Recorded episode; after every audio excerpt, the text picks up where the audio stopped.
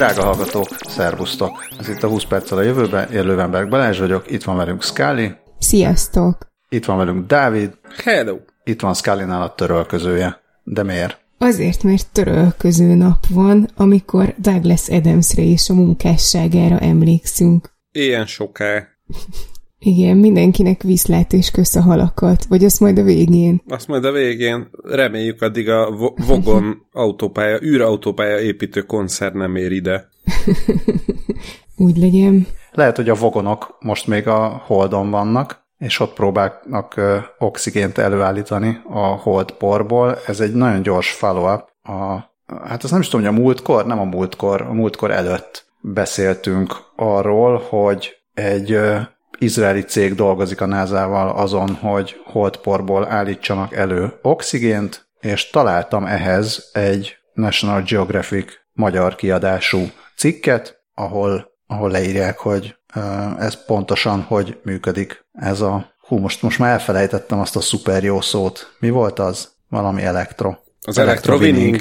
Igen, az elektrovinning, tehát hogy az elektrovinning az pontosan, hogy működik a regolitból, ami a holdpor. Tehát nem csak a holdpor, de hogy a holdpor az regolit. Szóval ezt follow belinkeljük a jegyzetekbe. Ennyit a regolitról. Csodálatos, csodálatos képanyaggal. A másik follow-up a, az Tamástól érkezett, elsőtől és harmadiktól, aki ugyanaz, új hallgatók ezt most még nem értik, de a régi hallgatók meg értik, és a, illetve vannak olyan új hallgatók, akik visszahallgatják a régi adásokat, köztük vannak olyan patreóták is, innen integetünk kedvenc új patreótánknak, MacBooks Bro-nak, aki nagyon sok szóvic potenciál van ebben a névben, szóval kedves Bro, nagyon szépen köszönjük az aranyos szavakat, és akkor hát, ha most nem tudom, hogy éppen melyik adásnál jársz, de előbb-utóbb rá fogsz jönni, hogy miért első és harmadik Tamás, első és harmadik Tamás, aki viszont küld nekünk mindenféle jó kis kép és szóviccet, többek között, és a Darth Vader hangzott el valamikor, vagy ha el, is hangzott, valamint hírlevél tárgy is volt, a, a zöldet kedvelő Darth Vader, aki a Darth Vader, és azt írja erre Tamás, hogy nálunk fele Szatmárban a vödörnek úgy mondják a jó emberek, hogy vedér, sőt vider, és ehhez küldött egy Darth Vader képet, amit na, egyrészt nagyon köszönünk, másrészt Nekem is van családilag így arra felé kapcsolatom, hát nem pont Szatmárban, hanem, hanem szintén arra felé Kárpátalján Beregszázban, és a nagymamám, nagypapám egyrészt szintén viderezett elég sokat, másrészt ez a, ez a nálunk fele, tehát ez a fele hozzárakással, mint, mint helyhatározó, vagy nem is tudom mi. Szóval ez is, ez is ilyen nosztalgikus hurokat pendített meg a szívemben, úgyhogy köszi szépen Tamás. Én csak a vedért Én is hallottam. köszönjük. Na, hát akkor most már tudod a vidert is. Auf Wiedersehen. Micsoda marhaságok. Apropó marhaság, még mindig follow-up, beszéltünk arról, hogy most már részben, részben ilyen milyen jó fej vagyok reklámozásból, részben a földünk ökoszisztémájának védelméből kifolyólag egyre több étterem mondja azt, hogy akkor ők most lemondanak a húsról, vagy lemondanak a marha húsról, mert a marha hús az a legrosszabb hús, a marhák gáz, üvegház hatású gáz eregetése miatt, meg ugye egyáltalán nem tetszik, nem tetszik nekik a tehenészet, és elém jött egy gizmodó cikk arról, hogy hogyan lehet például kevesebb húst felhasználni, vagy használni, például úgy, hogy a kutyákat nem baromfi vagy marhahús alapú táppal etetjük, hanem rovar alapú fehérjével. Beszéltünk Hoppá. erről is korábban, hogy ö, mi lenne, ha mi is inkább rovarokat ennénk, mert ö, sokkal kevesebb kibocsátással lehet rovarokat tenyészteni, mint ö, például marhákat, meg kevesebb ö, ugye, földet is foglalna egy ö, szöcske vagy sáska tenyészet, és, ö, és szerintem szerintem felismerült, hogy vajon, hogyha az embernek macskája vagy kutyája van, akkor azzal mi legyen, de ha nem merült fel az én fejembe, biztos, hogy felmerült. Hát vegán kutyatápról szerintem tuti, hogy beszéltünk. Igen, igen. Igen. Na, de ez, ez sokkal jobb, mint a vegán kutyatáp, mert szerintem amennyire jó fejek a kutyák meg a macskák velünk, hát azért nem lehet velük annyira kitolni, hogy megvonjuk tőlük a mindennapi húsfehérjét, de ezt, ezt meg lehet oldani, úgy tűnik, szöcskéből is. Majd szöcskék vajon... írjatok follow de...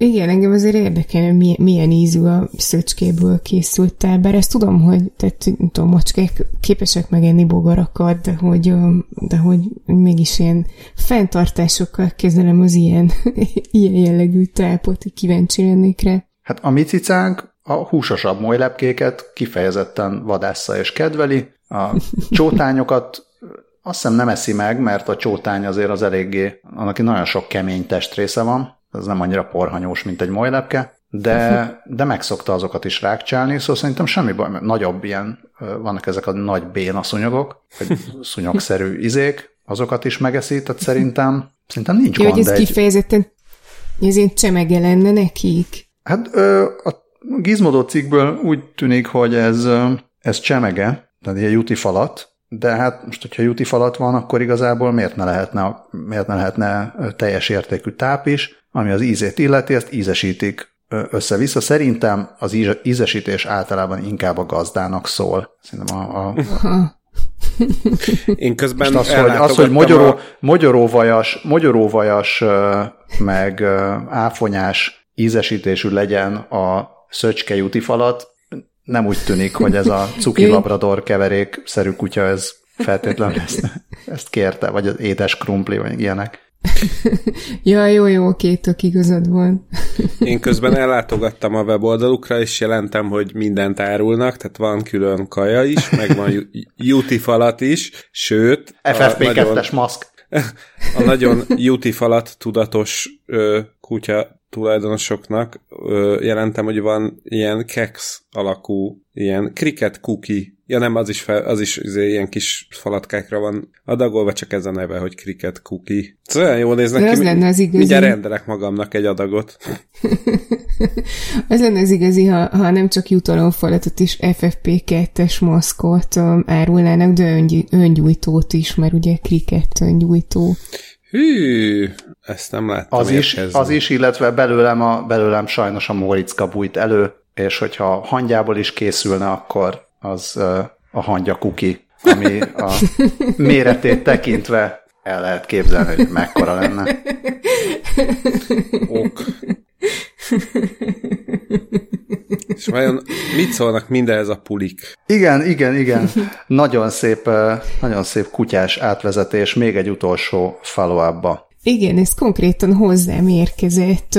Zoltán az egyik hallgatónk, aki egyben követ engem Instagramon, amikor megosztottam a legutóbbi adást, akkor, akkor amiben ugye az elektronos autóról is beszéltünk, akkor értesített arról, hogy hódmezővásárhelyen volt egy hódgép nevű vállalat, ami 1986-tól 1998-ig gyártott egy egy autót, egy kétszemélyes városi törpeautót, aminek az volt a neve, hogy Puli, és a tervezője Szolár Tibor volt, és azt képzeljétek el, hogy a Puliból volt egy, volt elektromos autóváltozat is, ami, amit úgy hívtak, hogy Puli Pingvin, és a és pingvin márkájú akkumulátorok voltak benne. Igen, ez eléggé ilyen, mi az Animal Crossing, vagy nem tudom, tehát az állatok világa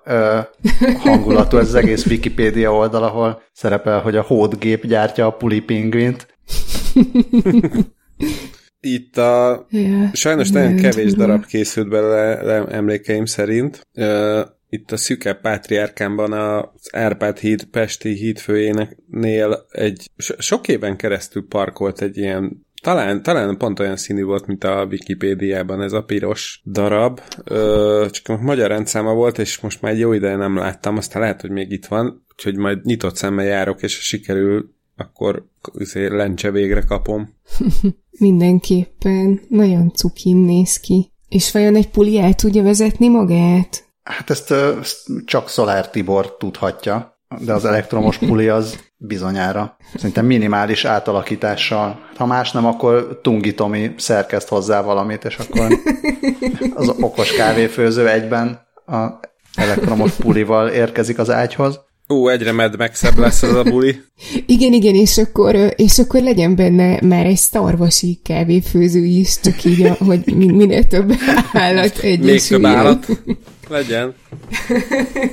Nagyon szép. Ja, igen. Amúgy az önvezetéssel, mert át akartam vezetni a következő hírre az okos felkiáltól jár rovatba. Hát igen. Olyan, ö, olyan jól szerkesztjük itt a híreket, hogy szinte átvezeti magát a, az egyik hír a másikba. Szerencsére nem kér érte 7 eurót óránként, mint az lenne a Volkswagen terve. Arról szól a teslarati.com, ami külön kis piros pontos nevű weboldal, ilyen Elon musk foglalkozó, meg Elon Musk mindenféle kibocsátásával foglalkozó oldal. Szóval azt írják, hogy a Volkswagen úgy szeretné az autóiba belegyógyítani az önvezető rendszert, hogy, hogy ezért te fizessél előfizetési díjat. Ami állítólag már a, a Tesla-nál is felmerült, a, akkor én nem hallottam róla, vagy legalábbis ha hallottam róla, akkor elfelejtettem azóta, de, de most e, erről van szó, hogy bejelentette a Volkswagen, hogy ez lenne a, gondolat, hogy mondjuk nagyjából a négyes szintű autonóm vezetési üzemmódért, hogyha óránként 7 eurót kérnének, akkor ez profitábilis lenne. Ez egy érdekes elgondolás, és talán, talán lehet, hogy pont a múltkori adásunkban volt egy ilyen hasonló sztori, hogy a, most nem akarok hülyeséget mondani, talán a BMW talált ki valami olyat, hogy, hogy belerakják ugyanazokat a funkciókat az autókba, de, de ha te az olcsóbbat veszed meg, akkor, akkor nem elérhető a funkció, ha pedig a fullosat, akkor meg elérhető lesz a funkció. Nektek nem rémlik, hogy beszéltünk ilyenről? De, Ugye? de, de, de nekem is, nekem is rémlik. Nyilván a, az aranyhal memóriám nem tudja, hogy melyik autógyártó volt, de simán elhiszem neked, hogy a BMW volt. Uh, szóval ez egy tök érdekes elképzelés, meg nyilván így ez, a, ez az önvezető, tehát hogy az, hogy az önvezetést adják így pénzért, az, abban még így tökre látom is a rációt, mert mondjuk az, az egy elég nagy szivatás lenne, azt mondanák, hogy ja, szeretnél légkondizni, hát akkor az nem tudom, óránként 5 eurót be fog kerülni. A, az ablakot azt viszont már egy euróért kétszer leengedheted, szóval az, az így el, előbb-utóbb ilyen uh, ilyen mikrotranszakció pokollá változtatná ezt az egészet, de, hát, de... Hát a különbség az az, hogy az önvezető rendszert az folyamatosan fejlesztik, tehát az ablakot azt ugyanúgy húzod le most, mint két év múlva, de azért remélhetőleg a, az önvezető rendszer az, hát ott van valamiféle háttértámogatás az egészhez. Tehát eleinte nekem tök furának tűnt, de aztán ez végül olyan, mint a, mint a GPS, sőt még olyanabb, mert ugye a GPS-t azt azt leginkább menekülnél a, az autóhoz adott GPS-től, mert, Igen. mert úgyis sokkal jobb a, a Waze meg a Google Maps, de, de egy jó önvezető rendszer egyrészt nagyon-nagyon sok azt kifejleszteni, másrészt valószínűleg nagyon-nagyon, már is pénz, meg mindenféle erőforrás, másrészt a, a háttértámogatást folyamatosan biztosítani hozzá, az is rengeteg sok pénzbe kerül, amit nem biztos, hogy, hogy érdemes bele, belekalkulálni ezt a jövőbeli fejlesztést az eredeti eladási árba, tehát lehet, hogy rosszabbul járná. Persze, most kérdés, nem, nem azért nem vádolnám azzal az autógyártókat, hogy, hogy mindenképpen profit minimalizálásra törekszenek, és így inkább olcsóban szeretnék adni az autót, de, de gondolom nekik is jobb, hogyha, hogyha tudnak egy kicsit faragni az, a, az induló árból, és, és egy ilyen folyamatosan bejövő pénzt pedig bele tudnak építeni abba, hogy te használod az autót. És most még azt nézem, a Tesla Ráti cikkében ö, le is írják, hogy mi a különbség a, a Tesla ö, által lebegtetett ilyen előfizetéses, vagy előfizetés rendszer és e között, hogy ott, ott egy ilyen havi díj lenne, amit mindig kifizetsz, a Volkswagen meg azt mondja, hogy csak amikor használod. Tehát lehet, hogy mondjuk a mindennapokban tökre nem használnád a, az önvezető rendszert, mert elvezetgetsz, de aztán nem tudom, szerda délután éppen szeretnél picit dolgozni, miközben forgalomba vagy, és akkor egy fél órát azt mondod, hogy akkor most innen oda, vagy éppen a dugóban. Hát, ö, hogy, hát, hogy a sofőr szolgáló, tehát így, ja, így elmész inni a haverokkal, és akkor azért rászánsz még akkor 7 eurót, hogy utána hazavigyen a saját autód. Bár ez nem tudom, hogy mennyire legális, és mennyire veszik el a, az autód az önvezető autód jogosítványát, ne, ne, hogy a te, te jogosítványodat veszik el, mert az autó vezetésére alkalmas állapotban kell a járműben tartózkodnod. Oh. Jó, de hát ja, hát ez, ez most, már Igen, ki tudja, mi lesz öt év múlva. Igen. Ja. Én még azon gondolkodtam el, hogy, hogy majd a Tesla ezt hogy szeretné elővezetni, hogy ö, ott lesz a rengeteg szilíciumvölgyi juppi, meg, meg a többiek, akik megvették az autókat, és akkor egyszer csak azt mondják, hogy na, gyerekek, eddig volt önvezetés, és akkor most meg lehet fizetni érte. Lehet, hogy én Gondolom, akkor az, most... az lesz, hogy majd a, lehet, hogy, lehet, hogy a következő verzióért, tehát hogyha nem akarod frissíteni, hanem szeretnél a 2019-es önvezető rendszerrel menni, amivel havonta ketten a fának csavarodnak, hm. akkor, akkor az ingyenes, de upgrade-elhetsz arra, ami pedig tényleg működik. Pay to win. Ja, és, és ez ráadásul a 2019-es térkép alapján működik, tehát amit azóta építettek, ezt nem ismeri. Úgy lenne az igazi. Meg, meg én akkor olyat is vizionálok, hogy, hogy mi van, hogyha ez ilyen feltöltőkártyás rendszerben működik, és így elfogy az egységed az adott hónapra, és akkor kénytelen lesz elvezetni, mert hát sajnos elfogyott az havi keret. Ezt gondolom, hogy nem így lesz, csak vicces lenne.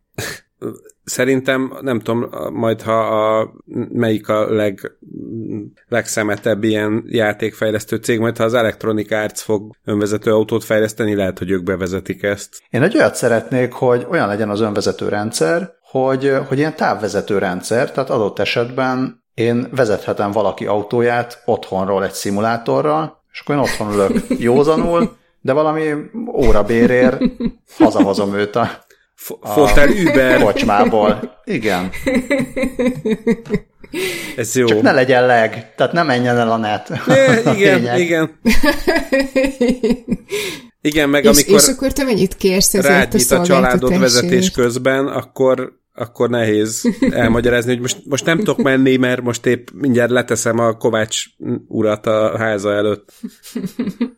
Ja, egyébként a rád nyitott családról így, így egyből eszembe jutott, hogy itt a Tesla Ráti cikkében a, a nyitóképen pont 69-et mutat a, a kilométer óra, és még gondolkoztam is rajta, hogy, hogy ez valami különleges dolgot jeleze a fizetőszolgáltatás kapcsán, amit még inkább ciki lenne láttatni, hogyha rád a család, de nem tudom, hogy mi lenne. Ah, nem, az, csak az a cikiben, amikor a húsleves nyit rá, de ebben nem menjünk bele, mert ez egy nagyon-nagyon mély gödör. Én csupán annyit szeretnék jelezni, hogy a Tesla Ráti cikkében a, a felső nyitókép Pet azt maga Joe Black készítette, úgyhogy eljött. Ajaj. El, eljött Joe Black. De, de azért még in, innen jár a 20 perccel a jövőbe vicces név ö, elismerés Joey Klendernek is, aki a cikket írta. Ha ő bulizik, akkor biztos néha előkerül Watt Klender is. Ajaj. Viszont ezen a nyitóképen a, ez a közép, középső konzol, ami szintén mutatja a, a mindenféle vezetési adatokat, ott 74 km per óra van. Na jó, de ebben már nem menjünk bele, mert ez nem a, nem a vegyünk észre hibákat stockfotókon podcast.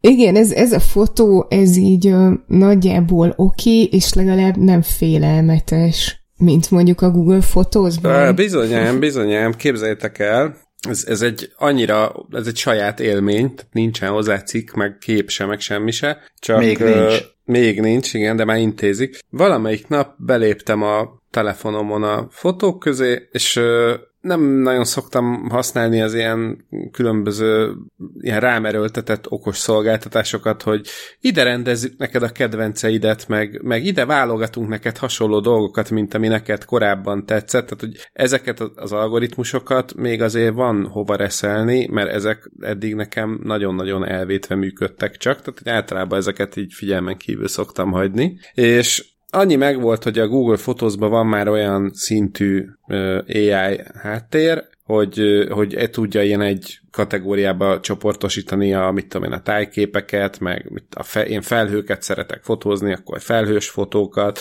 meg, meg hasonlók, és és akkor, mint ahogy az Instagramon a kis story ikonok ott fölül, a, a, a Google fotózba is ugye ott fölül össze voltak, vagy ott megjelentek a különböző módon csoportosított kis ö, fotógyűjtemények, és mondom, ed- eddig ezzel nem foglalkoztam, mert ilyenek voltak a természet, meg, meg felhők, meg város, látkép, meg ilyenek, tehát ami olyan viszonylag egyértelmű egy képről, és most volt egy olyan, hogy, hogy tényleg megálltam egy pillanatra két lépés között, mert összeszedte a Google Photos egy külön mappába azokat a fotóimat, amin Lego szerepel, mm-hmm. és mindezt berakta egy Master Builder nevű ilyen mappába. És akkor ott álltam meg egy pillanatra, hogy ho, ho, ho, ho gyerekek, állj, állj, állj, addig oké, okay, hogy észreveszed, hogy felhő van a képen, tök jó. Az se érdekel, de az legalább az nem ijeszt meg annyira, meg nem zavar. De amikor elkezdett kedves Google Photos a fotóimból kiszedni, hogy itt egy Lego, meg ott egy Lego, meg ott is van egy Lego, akkor ez a csávó egy Master Builder. Ez már olyan, ami előtt azért úgy illene kérdezni, szerintem, hogy figyelj, szeretnéd?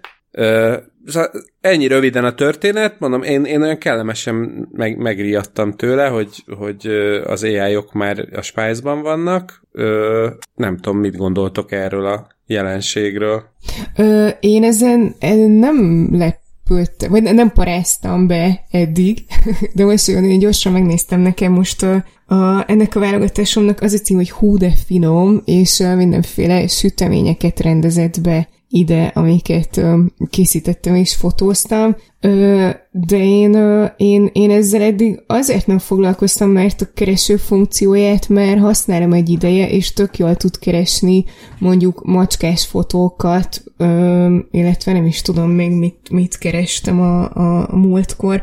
Ja, azt tudom, múltkor lefotóztam a a Coca-Cola-nak a, a kupakját, mert az a szöveg rajta, hogy nem vagyok szemét, hasznosíts újra, ami nagyon vicces, ö, szerintem, és akkor ö, most így ö, egy, ö, egy ismerős panaszkodott egy, ö, egy pasira, aki már így nem erőször vágja át, és akkor neki akartam átküldeni ezt, hogy ha ez a csáv ugyanolyan, mint a Coca-Cola kupak, és akkor nyilván nem fogom átpörgetni a, a Google fotózban a több ezer fotómat, viszont úgy, hogy rákerestem, hogy, ö, hogy szemét, azonnal ö, kidobta ezt, meg, meg még néhány fotót, amikor szeméthegyeket fotóztam, Ö, és, és ezt tudtam, hogy ez tök jól működik, meg, meg, meg tényleg tudom, macskás fotók ö, vannak, sőt egyszer ajánlotta, tehát ezt így magától ajánlott, hogy keressek rá arra, hogy jóga, és akkor rákerestem, mert ugye vannak jogás fotóim is, és azon röhögtem, hogy a joga kategóriába rakta az erőedzéses fotókat és videókat is, amikor nem tudom hány kilós kettlebellekkel dolgozunk, tehát ez, ezen a tigárra megcséltünk. igen, igen. Ö, és, és akkor ez alapján nekem így nem volt annyira meglepő, hogy most akkor felismerte az összes süteményes fotómat, és akkor és akkor egy mappába rendezte a, a süteményeket, meg most, hogy nézem, koncertek vannak még. Ö, úgyhogy végül is onnantól kezdve, hogy, hogy már megtanulta felismerni, hogy mi van a képeken, és ebben keresni is lehet onnantól kezdve már csak egy lépés volt, hogy ezt magától megcsinálja, de ebben nem gondoltam bele eddig, hogy ez valóban mennyire para. Kösz, hogy emlékeztettél rá. És ez nem lehet, Dávid, hogy téged az, az zavar, hogy jó fejkedni próbál? Hát én, én is ugye nem tudom, hogy mi hogy működik más telefonokon. Az én telom, tehát iPhone-on meg a, a fotózba az van, hogy felajánl ilyen kategóriákat, persze, hogy állatok, meg cicák, meg kaja, meg ilyesmi, meg embereket is kategorizál, tehát hogy az egyes családtagok, akik gyakran szerepelnek a fotókon, azokból csinál egy-egy albumot, meg néha rákérdez, hogy most akkor ez az ember, ez ugyanaz az ember, és akkor rakhatom ide. De lehet, hogy jobban idegesítene, hogyha azt mondaná, hogy ha-ha-ha, milyen béna pizzákat sütök album, és akkor ott lenne a, nem tudom, nem pontosan kerek pizzákról készített fotó. Tehát, hogy, hogy ne, ne jó fejkedjen velem ez a kategorizáló meg képfelismerő, hanem csak tegye a dolgát, és majd a, a vicces ilyen album címeket, azokat majd adom én. Mert lehet, hogy ez a hú de finomat sütöttem, meg jaj, de szép helyeken jártam, értem, hogy ezzel próbálják picit olyan emberközelibbé tenni ezt, de valószínű, hogy téged se zavart volna annyira, hogyha csak azt láttad volna, hogy é, van egy ilyen kategória, hogy mondjuk társas játékok, és akkor oda berakja hát, a legót. Nem, nem egyébként társas, nem, nem, a... nem társas játék, tök mindegy, de hogy Nem, szóval nem a, nem a jó fejkedés zavart, vagy szóval nem, nem az, hogy így Master Builder így meg úgy, hanem, hanem az, a, az a rész, most egyébként megnéztem a Google Fotóznak a, az összes beállítását, meg úgy egyébként is a Google beállításokat, és sehol nincsen olyan opció, ahol én meg, meg voltam kérdezve, hogy szeretnéd, hogy végignyalja a, a neurális háló a fotóidat, és elkezdje összerakosgatni ilyen meg olyan meg olyan albumokba? Mert akkor megmondtam volna, hogy köszi, nem. Majd én rakosgatom olyan albumokba, amiben szeretném, de, de egyrészt ne fárazd magad, mert nem érdekelnek az ilyen funkciók, meg ne égesse feleslegesen az energiát, hogy valahol a szilícium völgybe, vagy egy izé, Atlanti óceán mélyén egy szerverparkban, ott teker az egyik processzor, hogy nekem összerendezze a legós fotóimat, amit senki se szerintem, kér. Szerintem ezt valószínűleg nem, nem úgy csinálják, hanem lehet, hogy ilyen Venezuelában valaki egy kapcsa során megkapja, hogy jelölt ki az összes képet, ahol legót látsz. A, egyik, egyik változat se sokkal jobb a másiknál, de mondom nekem, engem azt, én, én azt fájlalom, hogy ha már meg se kérdezett, hogy akarod-e, hogy ez történjen, akkor legalább legyen egy nagyon jól látható opció, ahol ezt kibe lehet kapcsolni. Mert most megnéztem, tehát hogy mindennek az is le van tiltva, hogy az azonos vagy hasonló arcokat e, egy csoport vagy egy albumba rendezze, és akkor hogy azt gondolom, hogy ez szerintem már elég jelzés a Google felé, hogy én úgy gondolom, hogy nem kell feltétlenül kotorászni az én cuccaim között, csak ami nagyon eszenciálisan szükséges, illetve minden Lehet, hogy attól még megcsinálja, csak nem szól igen, neked. Igen, illetve ha minden kotorászni szeretnének, akkor előtte azért tessék már annál jobban kérdezni, mint az installálásnál, hogy ja, egyébként akkor most hozzájárul száma mindenhez, hello, hello, szóval en, ennél valami egyel határozottabb módon szeretnék konszenzust adni, meg, meg konszenzust kérve lenni, hogy, hogy mi van a fotóimmal. Meg most, tehát hogy akkor, hogyha mondjuk ne Isten tele lenne, nem tudom, mesztelen képekkel a telefonom, akkor elkezdené összerendezgetni, hogy hihi.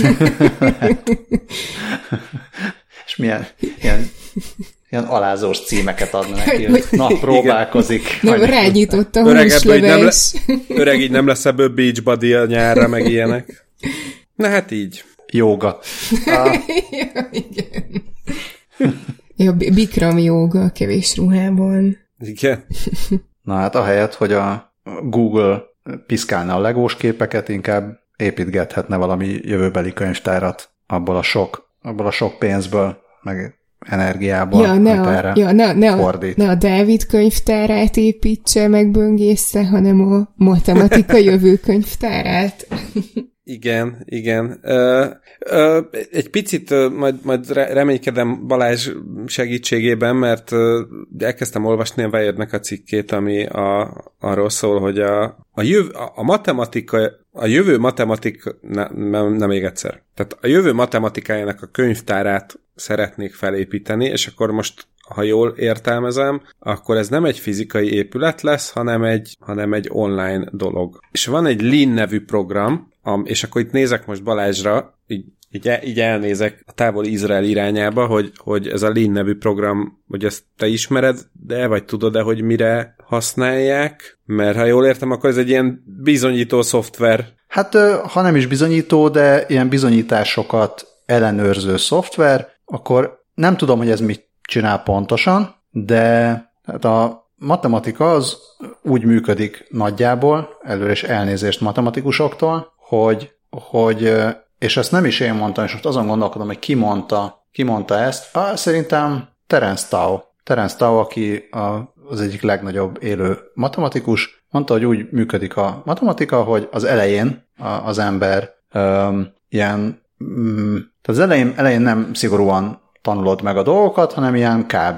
Tehát az, amit az ember ugye az iskolába tanul, az nem egy szigorú értelemben vett, nem bizonyítasz semmit, hanem úgy elhiszed meg, megszokod a dolgokat. Utána, még nagyjából egyetemen van az, hogy az ember megtanulja, hogy hogy, hogy épül fel ez az egész, és ténylegesen hogy néz ki egy, egy bizonyítás, hogy van bebizonyítva valami. Um, és utána a következő szint pedig az, hogy ismét visszatérsz ahhoz, amikor már nem nem fogsz minden egyes állítást totál szigorúan alapokról felépítve bebizonyítani, mert akkor nem tudnál haladni.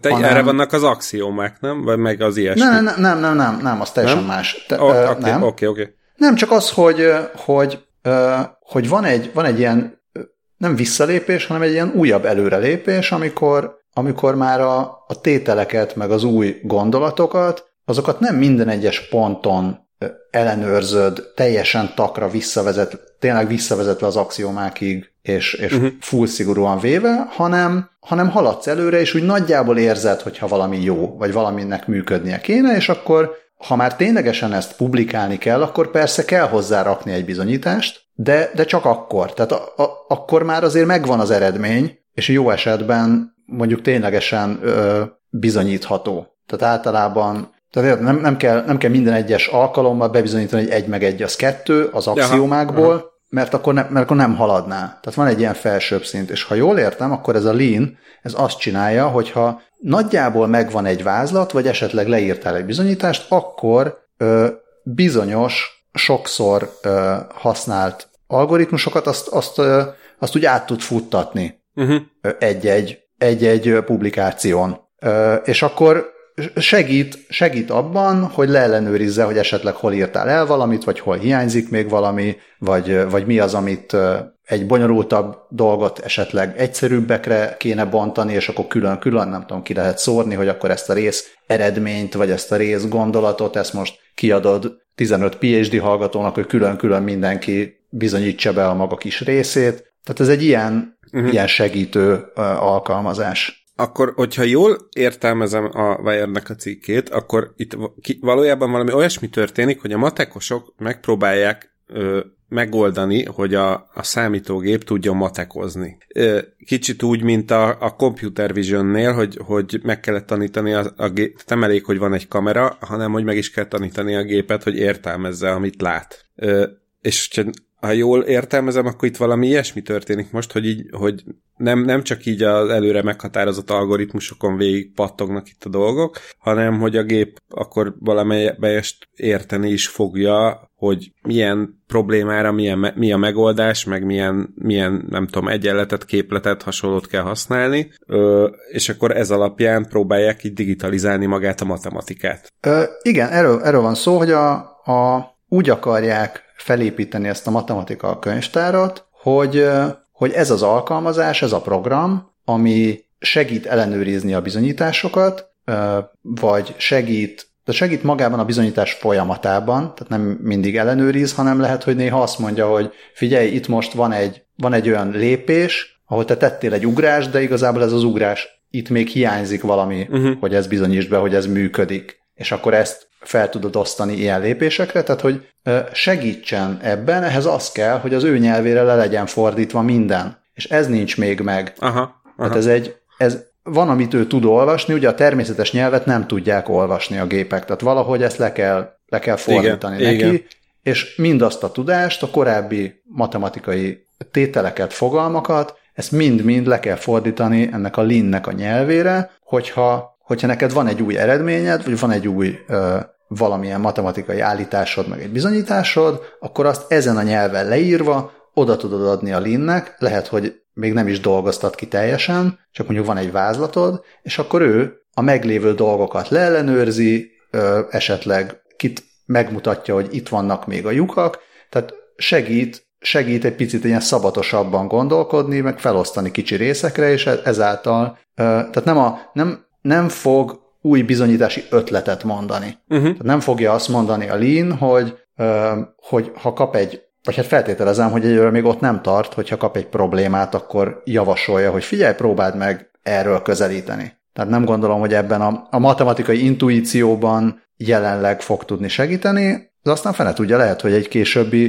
tehát lehet, hogy a későbbiekben, ha már nagyon sok tudás lesz benne, akkor egyszer csak észreveszi, hogy hoppá, itt a, a két ilyen látszólag össze nem függő területen van egy olyan összefüggés, amit eddig nem vettetek észre, mi az, ami kijöhet ebből. Nem tudom, hogy ez, ez benne van-e, de egyelőre úgy tűnik, hogy nem ez a cél, hanem az a cél, hogy, hogy a meglévő tudás, meg az újonnan keletkező tudás, az bekerüljön ebbe a, ebbe a lean Onnantól kezdve már csak egy lépés, hogy ráeresztenek egy neurális hálót, és akkor utána a, majd a, a, az AI kezd el magától matek tételeket és bizonyításokat gyártani, és akkor majd nem azon fogunk drögni, hogy milyen vicces, nem tudom, Harry Potter varázslatokat és, és heavy metal banda neveket talált ki a neurális háló, hanem hogy milyen vicces matek tételeket, csak abban az lesz a különbség, hogy én nem fogom érteni, hogy vicces, de ti igen. Igaz, hát én se fogom, ezen a Balázs fog röhögni, mi meg majd pislogunk, hogy aha, matek.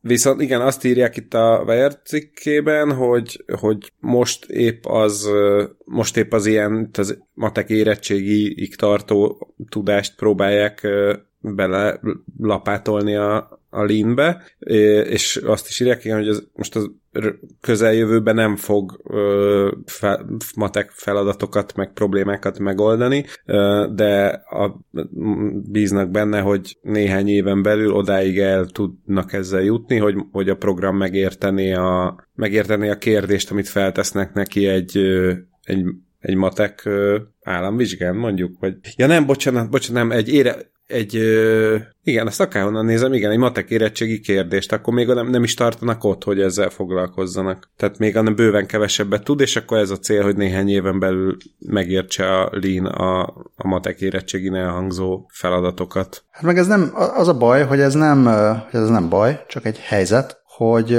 hogy, hogy ez nem így működik.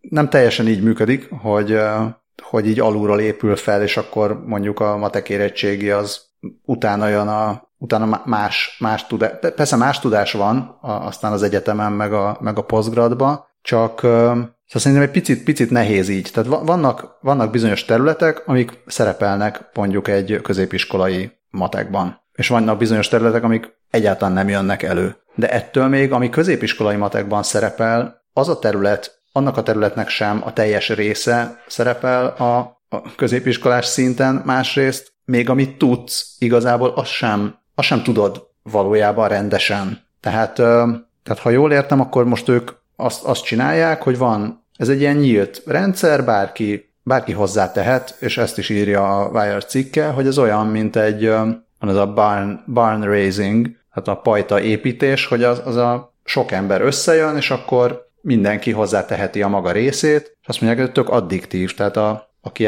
ebben úgy benne van, gondolom kicsit olyasmi lehet, mint az ilyen Wikipédia szerkesztés, hogy, uh-huh. hogy így rá lehet kattanni, és akkor el, akár ilyen tucatnyi órát egy nap eltöltesz rajta, és töltött föl uh, újabb, és hát nem újabb és újabb, hanem meglévő információval, de hogy, uh, de hogy legyen, legyen minél teljesebb. Nagyon jó, jó kis projekt. És van itt még egy aranyos kis tidbit, mert van itt a cikkben egy, egy ilyen infografika szerűség, hogy egy ilyen bizonyítási asszisztens, mint ez a Lean, ez hogyan is működik tulajdonképpen, és ennek a végéről derül ki, hogy a, a Lean ö, közösségében a, valamilyen furcsaukból kifolyólag a, a legnagyobb boldogságot a polipos emoji fejezi ki. Én imádom a polipos emojit, úgyhogy... Na tessék.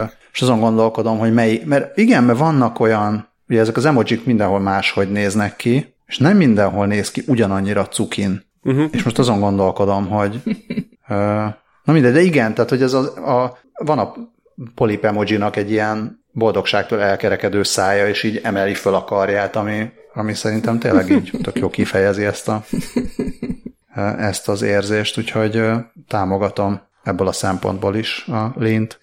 Na hát akkor ez egy win-win situation.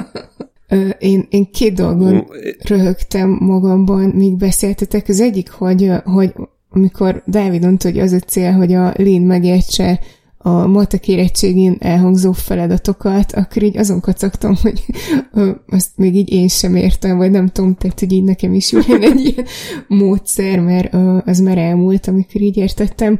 Illetve még, még amikor a pajta építős modellnél tartottatok, akkor kezdtem el gondolkodni, hogy akkor így ők együtt a pajtások Ö, és aztán, és aztán azon kezdtem gondolkodni, hogy lehet, hogy innen ered a, a, a szó, na mindegy, a, én a, még, ennyit, még ez se kizárható. Ja, ennyit tudtam hozzátenni a matekos hírhez. De egyébként abszolút egy irányba gondolkodtunk, mert amikor arról volt szó, hogy még kell néhány év a Linnek, hogy értse a matek érettségi feladatait, azt gondoltam magamban, hogy ezzel én is így voltam. Tehát... ja, hát igen. Úgyhogy biztos majd segítő kezet jelent ez sok embernek a jövőben. Hát olyan segítő kezet, mint egy harmadik robotikus hüvelykúj. Hát akár olyat, igen. Nem állt szándékomban meghatározni, hogy hány újja legyen a segítőkéznek. ja, hát én, én egy olyan hírt hoztam, amiben uh, nem segítőkéz volt, uh, csak, egy, uh, csak egy hüvelykúj, uh, ugyanis a University College London kutatói a, azt vizsgálták, hogy hogy mennyire gyorsan tudnak megszokni az emberek egy, egy ilyen új kiegészítő testrészt. Mm, ez egy Danny Claude nevű tervezőnek a, a projektje volt. Ő még néhány évvel ezelőtt készített egy Third Thumb uh, nevű projektet, ami gyakorlatilag a diplomamunkája volt, uh, és ez egy, uh, ez egy olyan uh, új volt, uh, amit így uh, fel lehet erősíteni a, az emberekre, és, uh, és a lábukkal tudják működtetni, uh, és, és most azt vizsgálták 36 uh, résztvevőnél, hogy uh, hogy milyen gyorsan tudják um, megszokni és elkezdeni használni, uh, és úgy indult, hogy az elején uh, uh, profi segítséggel megtanították őket uh, arra, hogy, uh, hogy használják ezt, a, ezt az újat, például uh, banánhámozásra, illetve azt írták, hogy megtanultak hangszeren is játszani, ami elképesztően menő lehet nem tudom, 11 újjal játszani gitáron, amiből az egyik mechanikus, meg ö, például megtanulták ö, egy kézzel fogni a kávéscsészét, és közben kevergetni benne a kávét. Erről is van egy fotó, ez is tök jól néz ki, meg, ö, meg mondjuk egyszerre több ö, labdát ö, kezelni egy időben. Ö, és állítólag nagyon hamar megszokták a, a tesztalanyok, volt olyan, aki öt napig tartott a kísérlet, és volt olyan, aki, aki még a végén még kért egy kis időt, mielőtt elbúcsúzna az eszköztől, és volt olyan, aki, aki később azt mondta, hogy hiányérzete van, hogy nincs rajta a mesterség és új, illetve az, az volt még nagyon érdekes, hogy, hogy gyakorlatilag ez alatt a néhány nap alatt uh, ilyen új koordinációs minták uh, alakultak ki bennük, tehát kb. az működésük uh, elkezdett megváltozni, és, és hát így arra jutottak vagy arra jutott a tanulmány egyik szerzője, hogy, hogy ez fontos üzenet mindazoknak, akik ilyen motoros testkiegészítéssel foglalkoznak, illetve akit foglalkoztatnak ennek a biztonságos és sikeres módszerei, mivel az új testrészek megváltoztatják azt, ahogy az egy agy leképezi a testünket, és hogy konkrétan ezt még nem is értik a kutatók, hogy pontosan hogy működik, tehát ezt előbb meg kell vizsgálniuk, mielőtt mielőtt elérhetővé tennék a, a technológiát széles körben.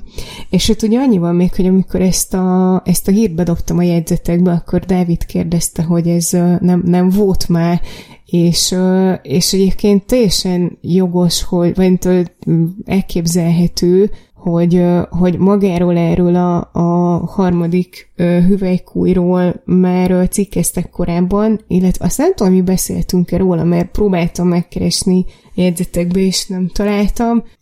Tehát ez a technológia maga, ez nem új, hanem a új, hanem a kutatás volt, volt új, amiben így azt vizsgál, amiben ezt vizsgálták, hogy hogy tudják megszokni az emberek. Ez marha érdekes, és én nagyon szívesen kipróbálnám ezt, a, ezt az újat, de szerintem ezzel mindannyian így vagyunk. Uh-huh. Nem különösen az egykezes kávé kevergetés lehetősége villanyozott fel. Ö... És utána hiányozna neked. Ö, igen, igen. Ne, én, én azon is gondolkoztam, hogy azzal is ki lennék békülve, hogyha nem az lenne, hogy én próbálhatom ki, hanem hogy mondjuk így lehet szavazni, hogy így ki, kinek szurkolunk, hogy ki kapja meg, és én nagyon szeretném látni, hogy Slash gitározik egy, egy ilyen hüvelykújjal, tehát hogy így ő mihez kezdene, de gondolom mindenkinek, de nem tudom, gondolom ti kosárlabdázóknak adnátok, illetve hát a lehetőségek tárháza biztosan végtelen. Én pont, pont kosárlabdázóknak nem, ad, nem adnám, azok elég ügyesek, hogy amúgy is oldják csak meg úgy. ja, de, de tehát, hogy... Én... Igen, inkább zavaró lehetne. de pont, nem, pont ez lehet izgi, hogy így mit találnak ki. Vagy legalább azt megnézném akkor, hogy egy ilyen hüvelykújon pörgetik a labdát.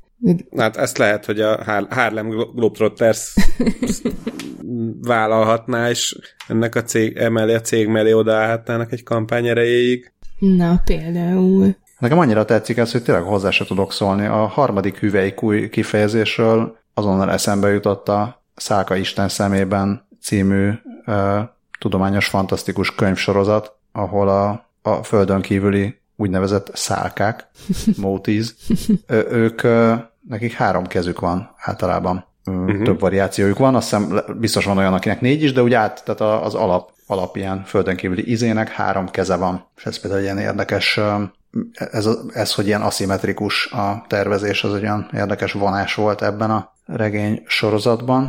Csak egy, egy könyvet olvastam belőle, azt is audióba, tehát nem is olvastam, hanem hallgattam, de mindegy, de hogy megfogott ez a, ez a megoldás. Nagyon tetszik, tehát tetszik az ötlet, meg eleve az, hogy ez a szembefordítható hüvelykúj, ez általában egy nagy előny volt abban, hogy most itt tartunk, és panaszkodhatunk a Google okos funkcióira, meg ilyenekre. De hogyha most ehhez hozzáadnak még egy másik oldalról is szembefordítható hüvelykújat, akkor tényleg egészen elképzelhetetlen, hogy a zongora szólók és egyebek mellett még mi minden válik lehetségessé. Micsoda újdonságok jönnek. Mi? Igen, ez túl könnyű, tehát a, a különböző ilyen új, új szóvic lehetőségek is annyira adják magukat, hogy Igen. szerintem... Ez mert túl alacsony labda. Még, még mi sem, még mi sem hajolunk le ezekért. Közben, ugye ez, ha jól látom, akkor ez az okos rovat volt, aminek el is érkeztünk itt a végéhez. Olyan okosak vagyunk, hogy öt nap alatt hozzászokunk a harmadik hüvelykújhoz. Viszont a következő rovat az pedig azt a címet viseli, hogy nincs fontos tudomány állatok nélkül. Úgyhogy most uh, cuki és kevésbé cuki, de mindenképpen állatos hírek jönnek. Így van, így van.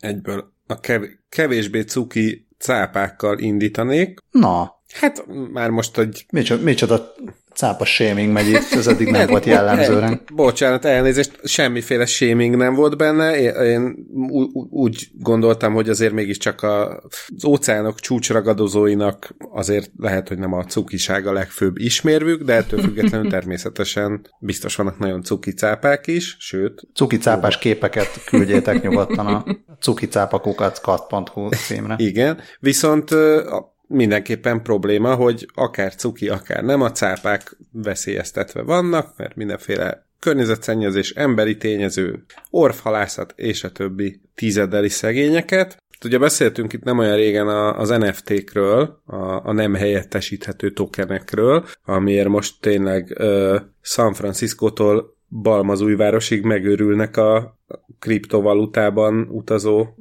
népek. És, és hát akkor ugye beszélgetünk róla, hogy igen, nagyon jó, lehet műalkotást csinálni, amit aztán sok bitcoinért meg lehet venni, el lehet adni, és akkor nagyon jó lesz, csak nem tudjuk, hogy kinek. És akkor itt az első olyan NFT alkalmazás, ami, aminek látom az értelmét, vagy, vagyis látom a, a felhasználási lehetőséget benne. A Beneath the Waves nevű non-profit szervezet, óceáni konzervációval foglalkozó non-profit szervezet kezdett el pénzt gyűjteni a, a cápák megmentése érdekében, a, a, és ehhez a, az NFT-t választották alapanyagnak, hogy így mondjam azt lehet megvásárolni, annak a jogát lehet megvásárolni NFT formájában, hogy egy általad kiválasztott cápának a, a műholdas jeladóját e, tudod követni innentől, ugye olyan, mint, a, mint az állatkertbe örökbe fogadnál egy, nem tudom, egy koalát, csak, csak itt egy vadon élő cápát idézőjelbe fogadhatsz örökbe, és még láthatod is, hogy mikor merre jár. Most ez egy elég erős pénzügyi hátteret igénylő buli, hogyha valaki nagyon szeretne a cápákon segíteni.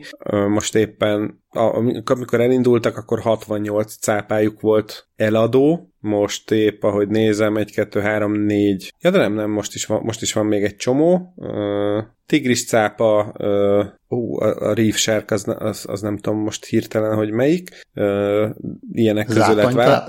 Zátonycápa. Zátonycápa, igen. A, a tigris cápák azok elég olcsók, már most az elég, az, elég olcsó, az egy relatív fogalom, ezer dollárt kérnek érte.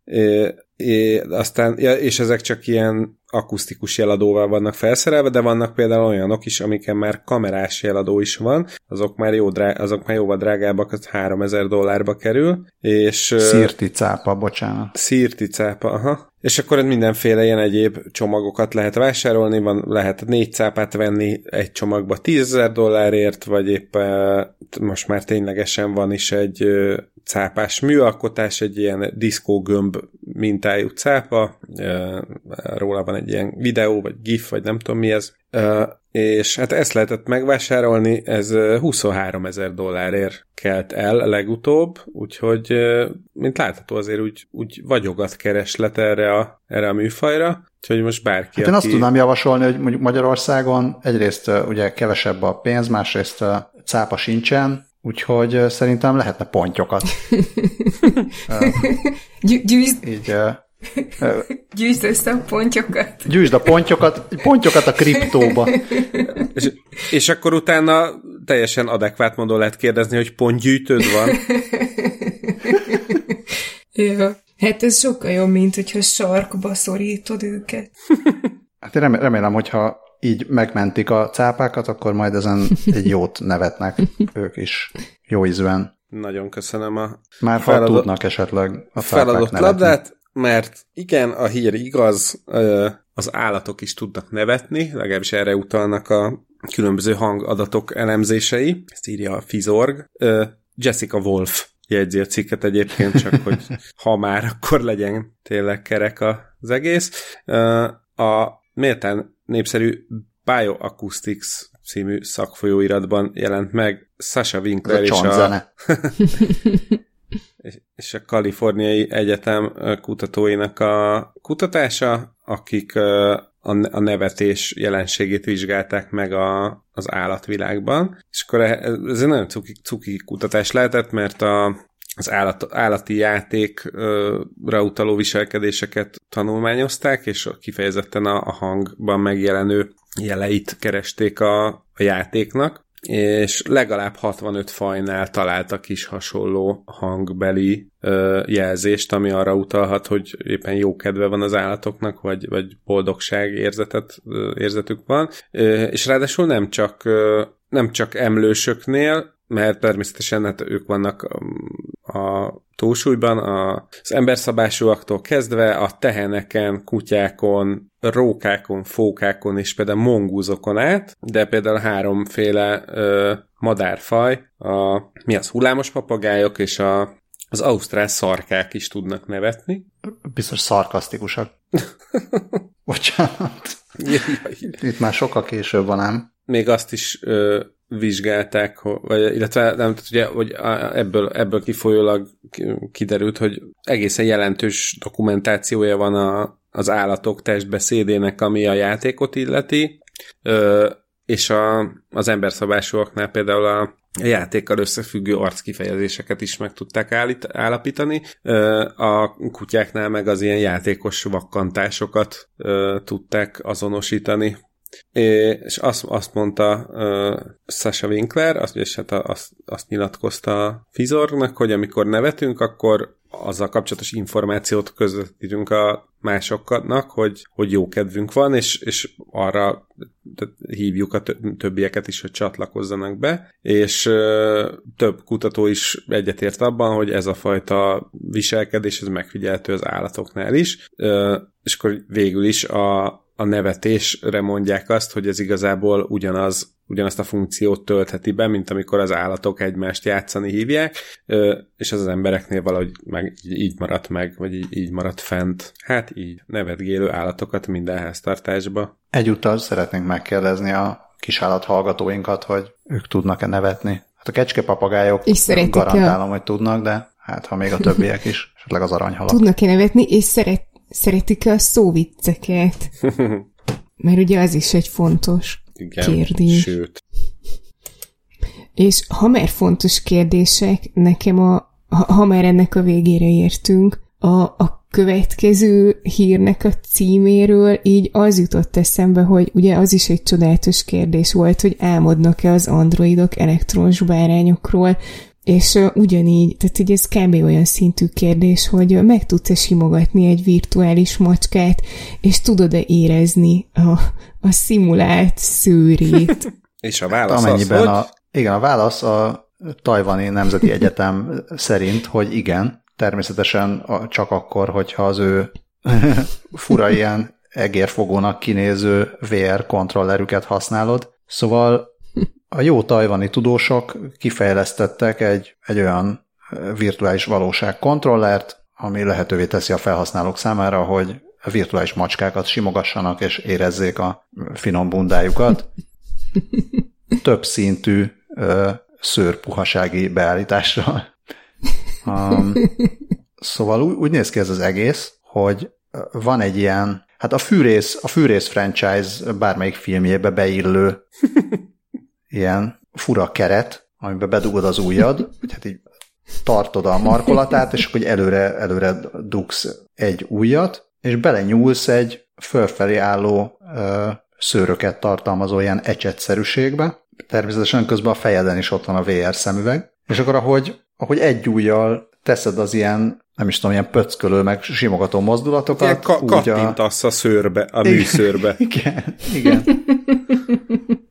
Szóval nem tudom, hogy Tajvanban, Tajvanon, hogy simogatják a macskákat, de itt a, a videón tényleg úgy néz ki, mintha ilyen dupla kattintásokat végeznének a macska hátán, szóval látod a, látod a VR szemüvegen keresztül a, a VR macskát, és akkor így nyomkorászod az ujjaddal ezt az ecsetet, ami a megfelelő szőrpuhasági meg simasági beállítás alapján merevíti, vagy, vagy így lazítja le magát, és, és akkor ez, a, ez az ecset is így azt szerint mozog, hogy jól szimulálja a valódi macskákat. A kommentelők közül egy kommentelő rendkívül bölcsen összefoglalta az egészet, azzal, hogy lol, flat cat. Ennyi. De egyébként én nagyon, én maximálisan üdvözlöm a tajvani egyetemi kutatók munkásságát. Nagyon kíváncsian várom, hogy mikor, mikor valósulhat meg ezek után a, a teljesen működő ö, robotmacska simogatható szőrrel. Hát szerintem annyi, hogy ezek közül, ugye kell először is egy harmadik hüvelykúj, és akkor több ilyen ö, több ilyen cuccot kell egyszerre a kezedben tartanod, a különböző extra hüvelykújjaid segítségével, és akkor minden ujjaddal tudsz külön-külön simogatni, és akkor csak összejön a, az európai értelemben vett virtuális macska simogatás, ami már nem csak ez a, nem csak az a pöckölő mozdulat. Csodálatos egyébként a, a mechanikája ennek a, a, a szőrecsetnek a működésének. Ezt nem tudom, Balázs, hogy azt meg, megnézted a videóban, de hogy, hogy ennek ilyen egészen összetett a, a fizikája, erre a, a, a szőrszálak merevsége, durvasága, a felület, a szőrszálak felülete közötti magasságkülönbség, és mindennek a kombinációja kell ahhoz, hogy viszonylag élethű cica simogatási élményt kapjunk, és hogy, hogy itt vannak a, vannak a hosszabb szőrszálak, meg vannak a, a, vékony, a, a, a rövidebbek, és az a trükk, hogy a hosszabbak azok hajlékonyabbak, mint a, mint a rövidebbek, és akkor e, ez, ez, ez is hozzájárul ahhoz, hogy egy ilyen macska szőr vagy macska bunda érzet alakul ki az ujjainkban. Azt azért ezt nagyon átgondolták, meg rengeteg energiát raktak ebbe rengeteg energiát és rengeteg pénzt raktak ebbe. Hát még egy, egy olyan talán pótolhatatlan funkciója lehet ennek a készüléknek, hogy, hogy ezzel százszerzelékos biztonsággal tudod egy macska hasát is akár megsimogatni. Hát sőt, még egy macska allergiás is meg tudja ezt csinálni. Végre akkor a, a világ legfontosabb, legégetőbb problémáira meg lesz a válasz. Így van. Hát a Dávid másik kérdése, hogy mikorra valósulhat meg a tökéletes robotmacska. Persze azt nem, nem kérdezzük, hogy miért kéne robotmacska, de, de nem így vannak ezzel a japánok, akik, akik ezt a kérdést nem tették fel, és a, létrehozták a Meow Ever nevű vibráló robotmacskát. Úgy tűnik, hogy hát ez vagy koncepció, vagy elfogyott a pénz, de ennek nincs arca. Hát egy, egy ilyen arctalan robotmacskát gyártottak le, ami talán egy valamelyik korábbi műsorban beszéltünk arról a, a díszpárnáról, aminek farka van, és akkor ezáltal macska helyettesítőként tud funkcionálni. Hát ez, ez tovább megy, tehát ez teljesen úgy néz ki, mint egy ilyen ülő macska, ami folyamatosan elfordul tőled, nem nincs arca, tehát az a, megint csak ilyen kicsit ilyen Silent Hill-es horror kreatúrának néz ki, van farka, és lehet ölelgetni, akkor így doromból bele lehet rakni egy mikrózható ilyen zselé csomagot, ami majdnem egy órán keresztül melegen tartja, és akkor ott is sugározza a meleget, és még a súlya is olyan, hogy egy ilyen két és fél kiló nagyjából, tehát egy kisebb méretű macskának, kisebb közepes, nem tudom. Azért nem egy, nem egy ilyen nagy, nagy macska méret ez a két, két, mm. két és fél kiló, de, de hát nem is egy díszpárna súly, tehát valamennyire ezt is egy picit próbálja szimulálni. És ami ennél legalább ennyire fontos, hogy a 80 dollárba kerül, viszont ennek az összegnek egy részéből cicamentést támogat a gyártócég. Úgyhogy hát egyébként... Azt nem tudom, hogy mennyire lesz szükség a, a cicamentéssel, mert hogyha veszel egy ilyet, akkor nem gondolom, hogy nem gondolom, hogy azonnal ki fogod dobni a valódi macskádat, mert az, hogyha megnézed a, a termék videóját, akkor, ak- akkor szerintem ez ugyanúgy beillene valami mélyen nyugtalanító horrorfilm trailerbe, mint, mint egy, mint egy termékvásárlás a buzdító videóba. Igen, itt, itt a cikkben azt próbálják kiemelni, hogy, hogy hát nincs arca, amivel ilyen gonosz módon fújna rád, és nincsenek, nincsenek végtagjai a, és mancsai, amivel megkarmolhatna téged, tehát hogy próbálják, próbálják úgy eladni, hogy, hogy ez jó, de, de, de hát um, ezeket a dolgokat nem csak ezekre használják a macskák. Ez alapvetően egy macska gyűlölő ember fejleszthette ki uh, ezt a műmacskát. uh, El tudom képzelni. E, egy dolog jut eszembe, még a még annó Balázsék, amik a Táfelspiccen volt egy cikkük, a, azt hiszem a különféle gyors éttermekbe kapható halas burgerekről, és ott a, a, a Meki, meg azt hiszem a Mekinek a, a, a halas burgeréről írták, hogy ez a tökéletes halas burger a halat nem szerető embereknek. és kicsit ez a macska is ilyen, hogy, hogy gyűlölöd a macskát, mert, mert akkor gonoszul néz, meg megkarmol, meg, meg amúgy is szővedlik, meg szőre van, akkor tessék, vehetsz egy ilyet. Meg etetni kell. Na, Etetni kell és feltakarítani utána, még ezt is kiemelték, Na, még az hogy azután nem igen. kell takarítani. Ja. Úgyhogy tökéletes macska-macska gyűlölőknek. e, igen, meg, meg nem tudom, ember, embergyűlölőknek is. Tehát ez, rettenetesek az emberek ebben a videóban. Nagyon e, ijesztőek. Úgyhogy... E, Akkor végül is nem is bíznál rájuk macskát igazít élőt. Nem, nem, az nem. Is Ezt uh, robotmacskát minden ilyen embernek. Vagy robotmókust esetleg. az igazi mókusok megvédik magukat, és túljárnak mindenkinek az eszén, még annak is, aki náza mérnök. Mert erről szól a következő hír, hogy volt egy volt egy youtuber, aki korábban názamérnök volt, vagy lehet, hogy még most is az, annak nem néztem utána, ö, aki ö, tavaly a karantén alatt ö, hát madárfigyeléssel akart foglalkozni, de ez nagyon hamar átcsapott mókus figyelésbe, mert a, mert a mókusok zabálták meg a moderetetőbe kirakott kaját, és akkor elkezdett azzal kísérletezni, hogy, hogy mindenféle ö, csapdákat rakott ki az udvarra, hogy megakadályozza, hogy a mókusok jussanak hozzá a kajához. Ö, és aztán ö, most idén egy, ö, egy elképesztően csodálatos videót rakott össze arról, hogy egy nagyon durva ö,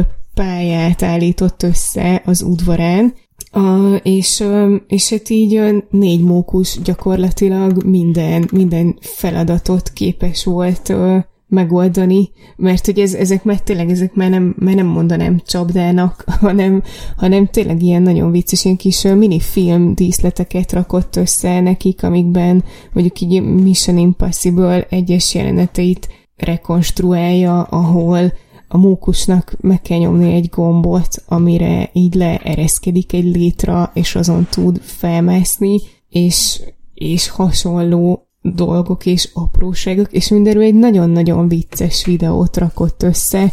Ö, nem tudom, saját karakterük van a, a mókusoknak, tehát el is nevezte őket, ö, és, és nem tudom, így, így mint, mint ilyen kis mókus bűnöző mastermindok, így ö, végül végig kommandóznak a, a, a pályán, és hát akkor ebből végül is kiderül, hogy tulajdonképpen a, a a mókusok tulajdonképpen okosabbak, mint egy názamérnök, bár aztán a názamérnök meg egy tök jó videót rak össze róluk, amivel így óriási megtekintéseket, vagy megtekintés számot ér el a YouTube-on, úgyhogy végül is nem tudom, hogy ki a legokosabb az egészből. Nagyon szórakoztató. Hát meg aztán ezek a mókusok, ezek melyik bolygóra tettek le egy robotot, kérem? De egyébként csak trollkodom, mert amúgy ugye Mark Robert, Robertről van szó, aki tehát szerintem hozzánk is, meg a világ köztudatába is a, a Glitterbomb val került be, ugye, a, aki ő volt az, akinek ellopták a, az Amazonos csomagjait a tornácról, és akkor épített egy ilyen telefonos kamerás nyomkövetős kiszúrást a tolvajokkal, és, és azóta is hasonlókban utazik. Úgyhogy szerintem ő már nem aktívan nem NASA mérnök, de ja, aha. de abszolút a... Ú, erről elfelejtkeztem, hogy az ő volt. Igen, igen, és a NASA-nak a Curiosity nevű roverjén dolgozott. Az meg már nem tegnap wow. volt. De... Ja, jó, egyébként visszatérve az eredeti kérdésedre, lehetséges, hogy a, hogy a mókusok is leraknának egy, egy robotot egy másik bolygóra, ha, ha kapnának érte magyarót jogos, vagy diót. Jogos, ez igaz, ez igaz. Úgyhogy egyébként lenyűgöző, amit ez a srác összerak. Tehát hogy tényleg, ahogy kitalálja, meg ahogy, ahogy összeépíti, az, az szerintem csodálatos. Hát, ja, meg ahogy elmeséli, az is. Bocs. meg ahogy elmeséli, én csak azt akartam mondani, hogy más okos emberek ennél sokkal kevésbé aranyos dolgokat raknak össze a világ más részein. Át, áteveztünk a következő rovatunkba. Át, át. Ez a ezt írja meg szerkesztőkém, ha Meri rovat.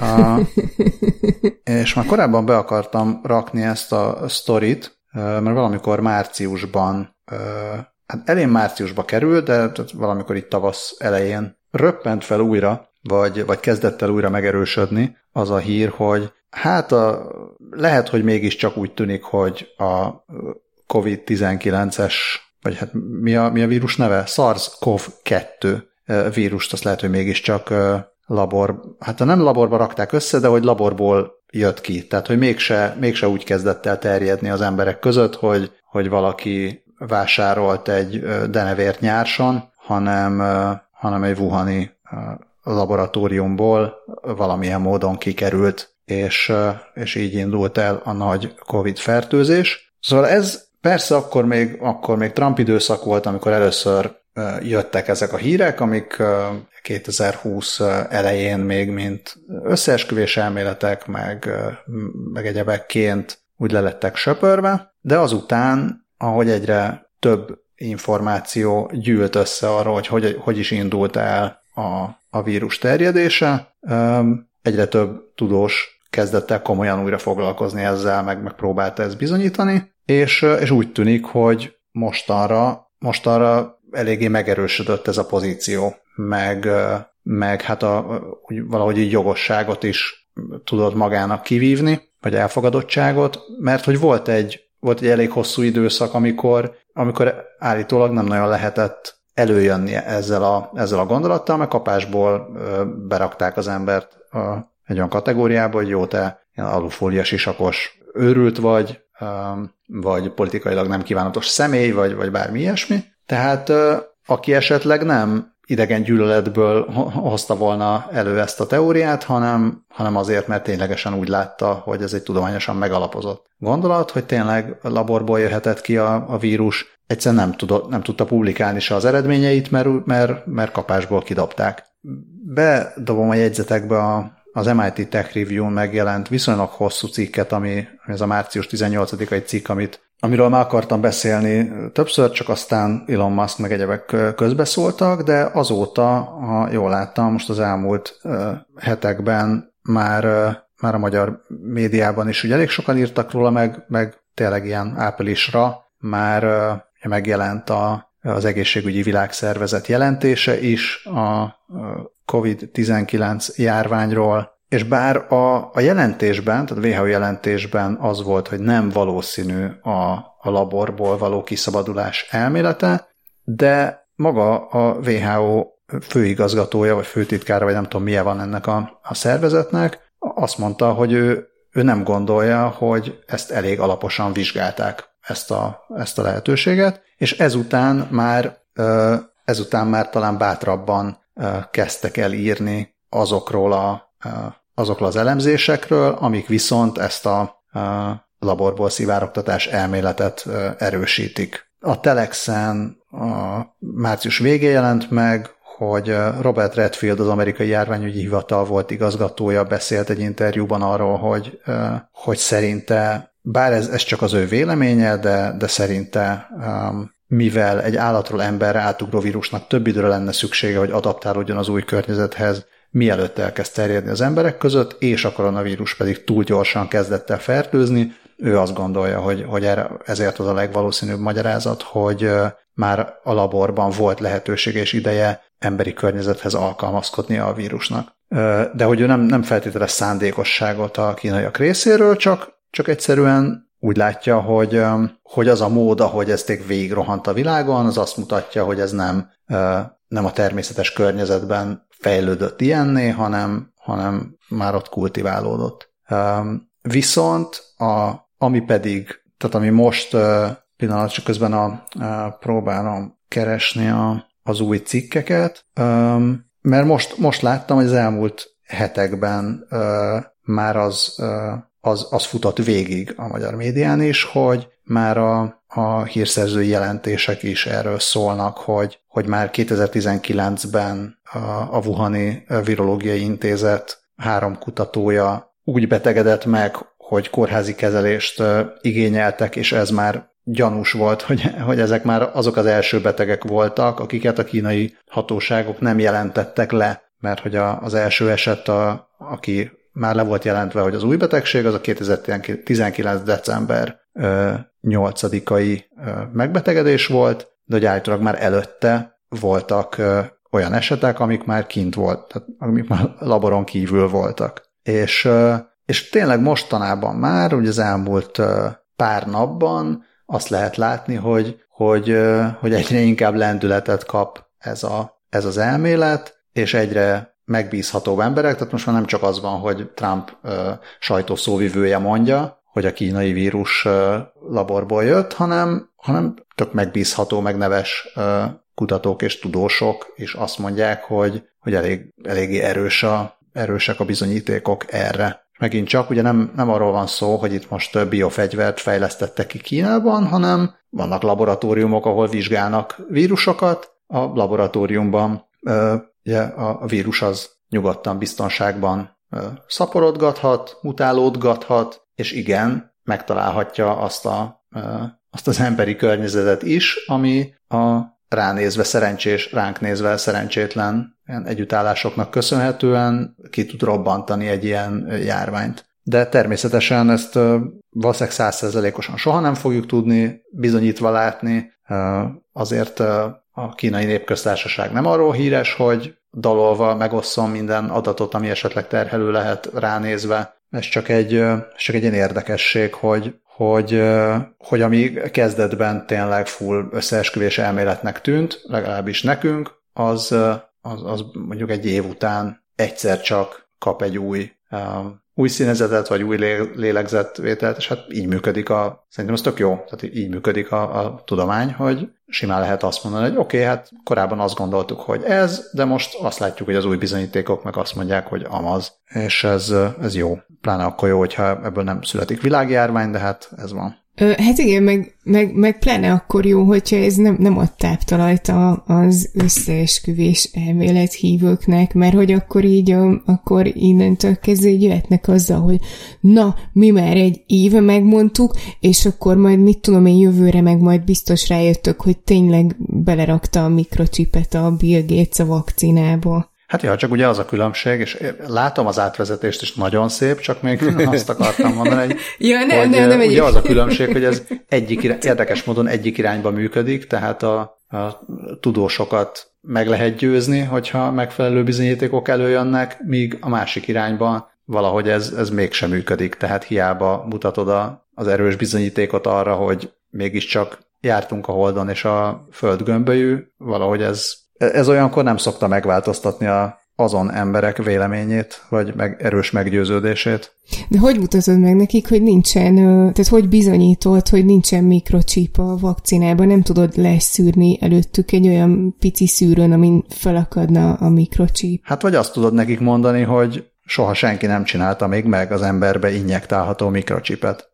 Akkor, akkor most van egy rossz hírünk.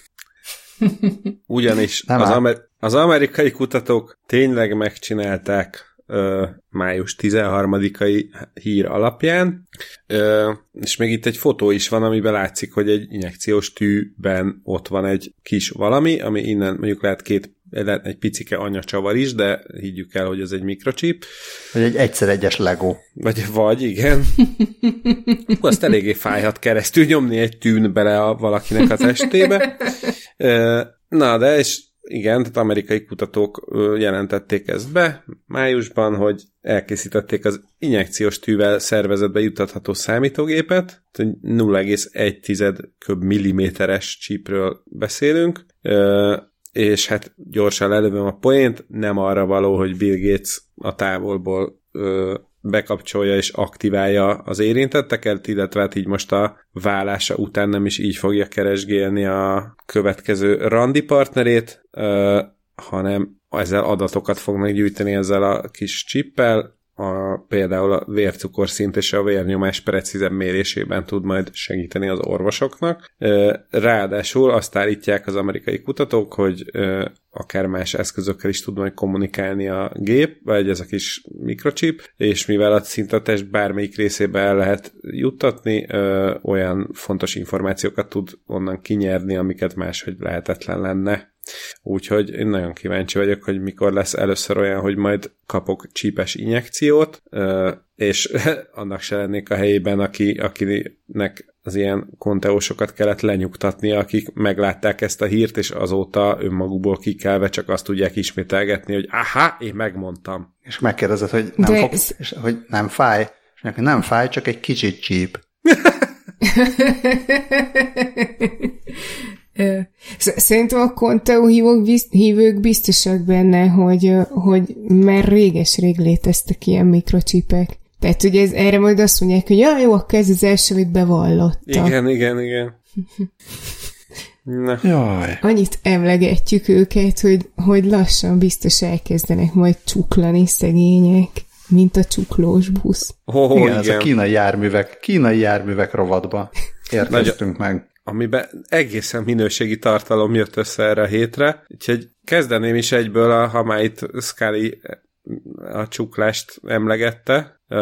Egy, a, a, a, szerintem az, ennek az adásnak a legfantasztikusabb híre, a, a, a The Next Web számolt be róla, hát egész konkrétan a Next Web más emberek tweetjeiről számolt be, akik abból is leginkább egy embernek a tweetjeiről, egy Erik Solheim nevű Twitter felhasználóról van szó, aki mindenféle közlekedési fejlesztésekkel és hasonlókkal foglalkozik, és ő írta Twitterén ilyen egészen szuperlatívuszokban, hogy egészen hihetetlen fejlesztés Kínából kifejlesztettek egy önvezető elektromos villamost, de várj, egy olyan villamost, aminek nem kell sín. És, és akkor ott, ott már én is felvontam egyből a szemöldökömet, amikor elolvastam a címet, hogy a, a kínai önvezető sínmentes vonat valójában nem más el, mint egy túlértékelt csuklós busz. Gyorsan meg is adja a The Next Web a választ a kérdésre, de igen, az.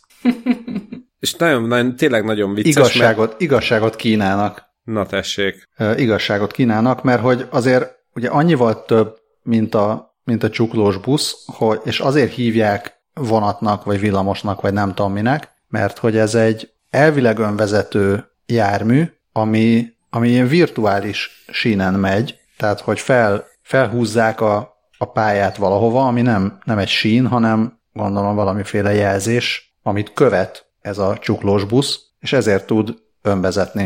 Ez Igen, most nem abszolút. tudom mennyire érthető, tehát hogy be, ö, fel kell neki festeni ilyen, ilyen útburkolati jeleket, és akkor azt tudja szépen követni. Tehát ennyiben Igen. Ö, kötött pálya, hogy, hogy ezeket a jeleket követi, viszont ugye hát ezek nyilván sokkal... Hát beszéltünk az ilyen izé, néniről, aki ö, nem is tudom mit, horgolja a vírust meg ilyenek, vagy a ö, hasonló, tehát lehetne ilyen kötött pálya, hogy így megköti a csuklós busznak a Igen, szóval pályáját. Szóval tény és való, hogy annyiban ö, praktikusabb, meg, meg valóban sínementes, hogy tényleg nem kell síneket leverni, hanem a meglévő útra elég ezeket a szaggatott csíkokat felfesteni, mert amúgy egyébként tényleg egy az egybe úgy néz ki, mint a, a, akármelyik körúti villamos, csak, csak tényleg nem sínen megy, és önmagát vezeti, úgyhogy és aztán még így a Twitteren aztán jól megpörgött szegény Erik Solheimnek a, a tweetje, mindenki jött, hogy mi, miről beszélsz, milyen, milyen, milyen vonat, úgy érted, hogy busz,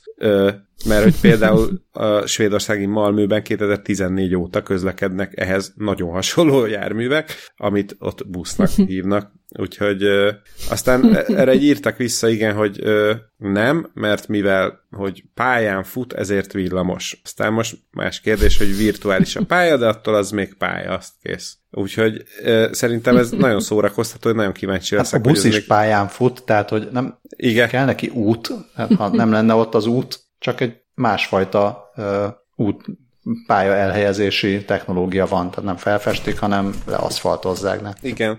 Tehát végül is akkor Lehet itt kötözködni. Helytálló a, a jegyzetbe beírt fe, felütésem, mi szerint Kína kifejlesztette a csuklós buszt. Na, és uh, igazából most egy klasszik 2019-es hírt bedobtam ide, de tényleg csak átvezetésnek, mert ugye haladunk a Földön, és majd nem sokára megyünk az űrbe Kínával, de hát a kettő közé nekem nagyon beillett a kétéltű drónhajó, amit a kínaiak fejlesztettek ki, és aminek az a neve, hogy tengeri gyík, amiért külön pont a, a kínai hajóépítő ipari vállalatnak. Ráadásul annyira csodálatos a mintája, hogy én elsőre azt hittem, hogy egy ilyen cenzúrázott fotót nézek. Valahogy úgy. Ja, hát vagy Minecraft. igen, igen, igen. Na, szóval a, a tengeri gyíkot 2019-ben mutatták be. Mit tud ő? Tud menni vizen, meg tud menni földön. Ez valóban kettő, és mit tud csinálni? Négy követő egységet tud kiengedni magából, a földön 20 km per órás sebességgel tud mozogni, és 1200 kilométeres hatótávolsága van műholdas irányítással, és mivel drón, ezért nem kell, nem kell bele ember. És világszínvonalú... Ja, bocs, és akár 8, 8, bocsánat, 8 hónapig uh, tud bárhol uh, ilyen standby üzemmódban várakozni a parancsokra. Ú, spara. És ahogy nézem, világszínvonalú kínai független vajon? navigációs rendszer van benne. Már most nem túlzok, hanem szó szerint olvasom a Global Times-ból ezt a mondatot. Hát jó, hogyha meg 1200 kilométernél messzebbre kell menni, például a Marsra, akkor a tengeri gyík az marad a kis tengeri szigetén, és inkább valaki mást küldenek oda. Igen, hát a kínaiak a Tienben egy űrszondát küldték oda, aminek a, a leszálló egysége május 15-én ö, landolt a Marson. Ez a Zurong nevű marsjáró, és, és most már elküldte az első fotókat is, amik megtekinthetők itt például többek között a HVG cikkében, és úgy voltam vele, hogy, hogy erről mindenképpen beszélnünk kell, hogy ne tűnjön úgy, hogy a, hogy a NASA megvet minket kilóra, és hogy csak azért beszéltünk a Perseverance-ről, mert felvitte a nevünket, nem tudom, Dávid, igen, meg a Dávidét is vitte, meg az enyémet is, meg még lehet, hogy néhány hallgatóét. A kínaiak nem jöttek ilyen PR fogásokkal, de azért az ő marsjárójuk is tud fotókat küldeni és 90 marsi napig ott lesz a bolygón, és, és küldözgeti majd még a, a mindenféle vizsgálatának az eredményeit. Hát gondolom, utána is ott lesz a bolygón, csak már akkor nem, esetleg nem lesz dolga. ja, igen. Nem, nem, nem, nem hiszem, hogy ja, ezt bocs, igen, igen, igen, addig. Ja, nem, nem, bocs, igen, igen, igen, azt írták, hogy, a, hogy ott kell a, a Utopia Planitia nevű síkságon dolgoznia. Igen, lehet, hogy, lehet, hogy 90 nap után akkor elmehet és lepocsizhat a, a perseverance vagy valami. Az milyen lenne, hogyha 90 nap után oda menne és így fellökné. ah, de még nem lehet, hogy összehaverkodnának. Vinne neki egy, egy kedves sziklát, vagy ilyesmi. Nem tudom, hogy udvarolnak egymásnak. A... Ez csak az a kérdés, hogy milyen magasról engedné el.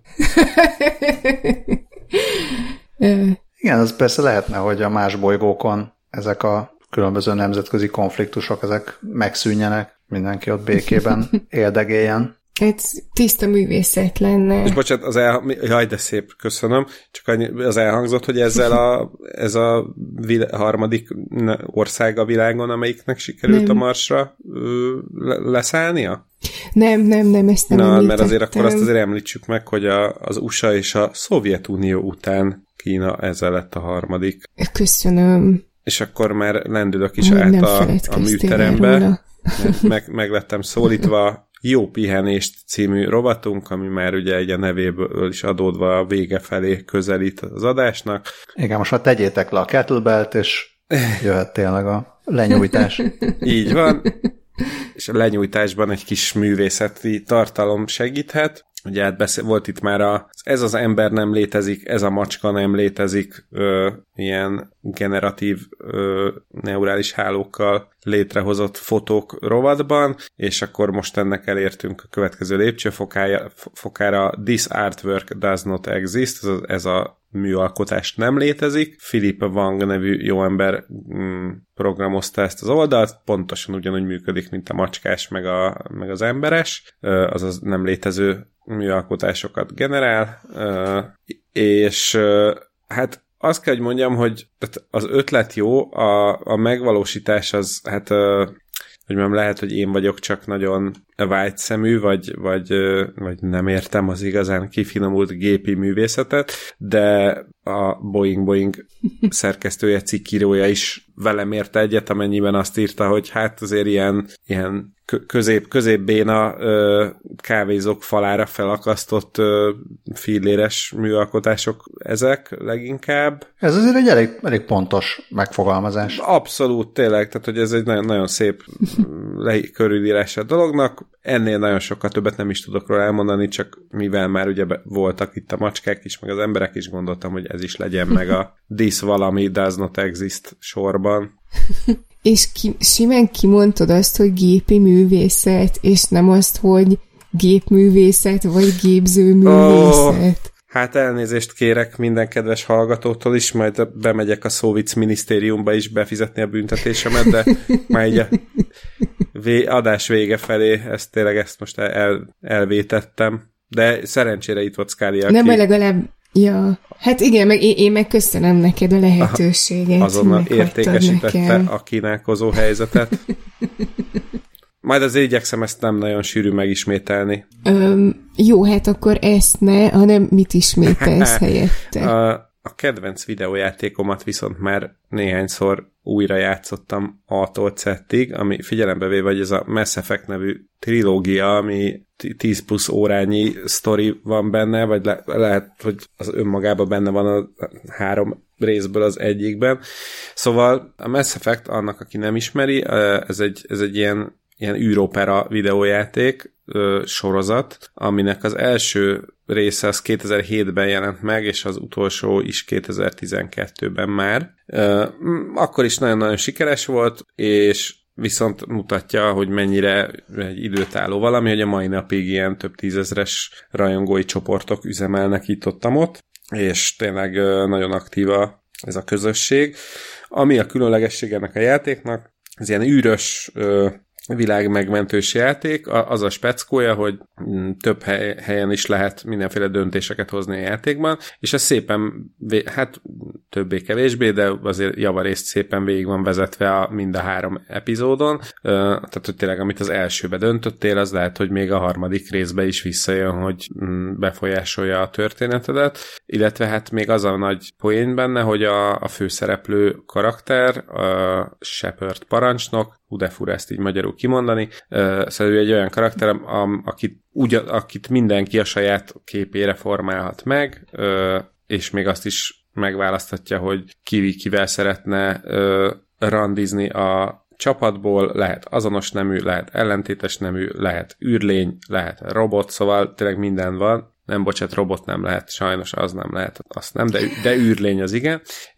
És Na csak azért beszélek erről ilyen hosszasan, mert most nemrég, mm, május 14-én megjelent a Mass Effect Legendary Edition nevű kiadás, ami, amiben összecsomagolták az el, első három részt, szépen felújították, felhúzták ö, a grafikát mai szintnek megfelelőre, és kiadták, és hát akkor azóta óriási nagy boldogság van, minden rajongó odáig van meg vissza. Ö, viszont a Wired-en megjelent egy cikk, hogy mit tesz a mentális egészséggel ennek a játéknak az újrajátszása. Most egészen véletlenül pozitív értelemben, tehát hogy ritka az a, az a videójátékos cikk, ami a videójátékoknak bármennyire foglalkozik a pozitív oldalával. Ez a cikk is ilyen, meg egyébként ez a videójáték maga is ilyen, mert több interjút, podcastot, ilyesmit hallgattam, amiben ilyen PTSD-vel küzdők, a, akkor a szexuális nem identitásukat nemrég megtalálók, vagy esetleg még keresők, és mindenféle hasonlót nagyon-nagyon introvertált emberek, pánikbetegek, stb. Sokan mondták, hogy mennyit segített nekik maga ez a videójáték, ez a konkrét videójáték, egész pontosan, de, de ettől függetlenül azért úgy általában a videójáték, mint a kikapcsolódjál a valódi világból, és olyan, olyan ideált, vagy olyan ideálnak a bőrébe bújj bele, aki, aki szeretné lenni, ezek általában ilyen jó dolgok szoktak lenni, és akkor fogta magát a Swapnak Krishna nevű ö, szerkesztője a Wired-nek, és ö, meg beszélgetett ö, pszichológussal arról, hogy valóban milyen, ö, milyen ö, hatása van egy videójátéknak, illetve annak, hogyha újra visszamegyünk egy videójátéknak a világába, és ehhez megtalálta Tim Wolfot, aki a Müncheni Ludwig Maximilians Egyetemen a videójátékok hatásait tanulmányozza, és, és akkor azt mondta, hogy egyrészt a, azért jó visszamenni egy ilyen videójátékba, mert a nosztalgiát éb, ébreszt az emberben, ami, ami segít abban, hogy egy kicsit magadra tudják figyelni, koncentrálni, és közelebb kerülhetsz a valódi önmagadhoz, vagyis hát így jobban megélheted a valódi önmagadat egy ilyen játéknak a, a segítségével, vagy egy ilyen játékon keresztül, meg egyébként egy ilyen megbirkózási mechanizmus is sok mindennel szemben, és most különösen a, a járvány helyzet során, amikor az emberek sokat ültek otthon, és beszűkült, a, amúgy is beszűkült a világuk, akkor egy ilyen jellegű játék, amiben jól el lehet merülni, az egy ilyen nagyon jó kiegészítése a, annak a, a valódi világnak, amiben ugye egy járvány alatt élsz, tehát ami ugye a lakásodra és a sarki aldira ö, szűkül le, úgyhogy ö, Hát röviden ennyi a, ennyi a lényege a cikknek, illetve annyi, hogy, hogy tényleg a, az, hogyha van egy kedves játékod, amit szeretsz, és sokat játszottál vele régen, érdemes lehet elővenni, és újra mm, játszani vele egy kicsit, mert, mert lehet, hogy minden, amellett, hogy jó lesz neked, mert játszol, amellett még így mentálisan is, nem tudom, kipihentebb, vagy kevésbé, kipihentebb leszel, vagy kevésbé leszel feszült. Mindegy, mindegyik jó. És hogyha hosszú kihagyás után veszed elő, akkor így mondhatod neki, hogy réges-régen egy messzi-messzi fact Oh, de gyönyörű, nagyon szép. Szerintem a drága messze. Maga Lionel Messi is megirigyelni. Igen. Ezt akartam mondani, a drága Mass Effect rajongó hallgatók bizonyára most a szívükbe zártak. Reméltem, hogy már réges-rég oda voltam zárva. De még jobban. De most újra. A, de újra, így van. Miatt. Ja, ja, jó, jó, így, így elfogadom, tök jó. Na hát akkor ezzel a happy end zárul is a mostani epizódunk. Nagyon szépen köszönjük a hallgatást, meg a sok-sok e-mailt, meg a új Patreon támogatóknak is nagyon szépen köszönjük, hogy csatlakoztak a Patreóták kicsi, de gyarapodó társaságához. Ott előbb érkezik oda a podcast, szintén kicsi és gyarapodó társasága a hírlevél feliratkozóké, ahol hát nem először érkezik oda a podcast, de az a podcast érkezésének a legbiztosabb, nem tudom milyen, járműve, közvetítője. Nem úgy, mint a Facebook. Hát nem, a másik legbiztosabb az a természetesen a jó öreg RSS, de hát ez magától értetődik, és, és köszönjük szépen a Tamásoknak is, meg a nem Tamásoknak is a szó és képvicceket, meg írjatok nyugodtan, hogyha van olyan videójáték, amit újrajátszásra alkalmasnak találtok, és hát ha még mi még nem találkoztunk vele, és majd mi is játszanánk, hogy bármilyen javaslatot szívesen veszünk, illetve hogy a kisállataitok tudnak-e nevetni. Köszönjük szépen, szervusztok! Sziasztok! Hello! Elmondhatok még kettőt. Mm. Az egyik, hogy még amikor a Covid-ról meséltél, az annyira komoly sztori volt, hogy nem akartam ezzel elrontani, de az jutott eszembe, hogy az őrült tudósnak a kutatóbázisa az Easy Labor, és a, és, és a másik meg a, a csuklós busznál jutott eszembe, hogy lehet, hogy így a tervezője így, így felsóhajtott, hogy mostan sínes verdákról álmodom.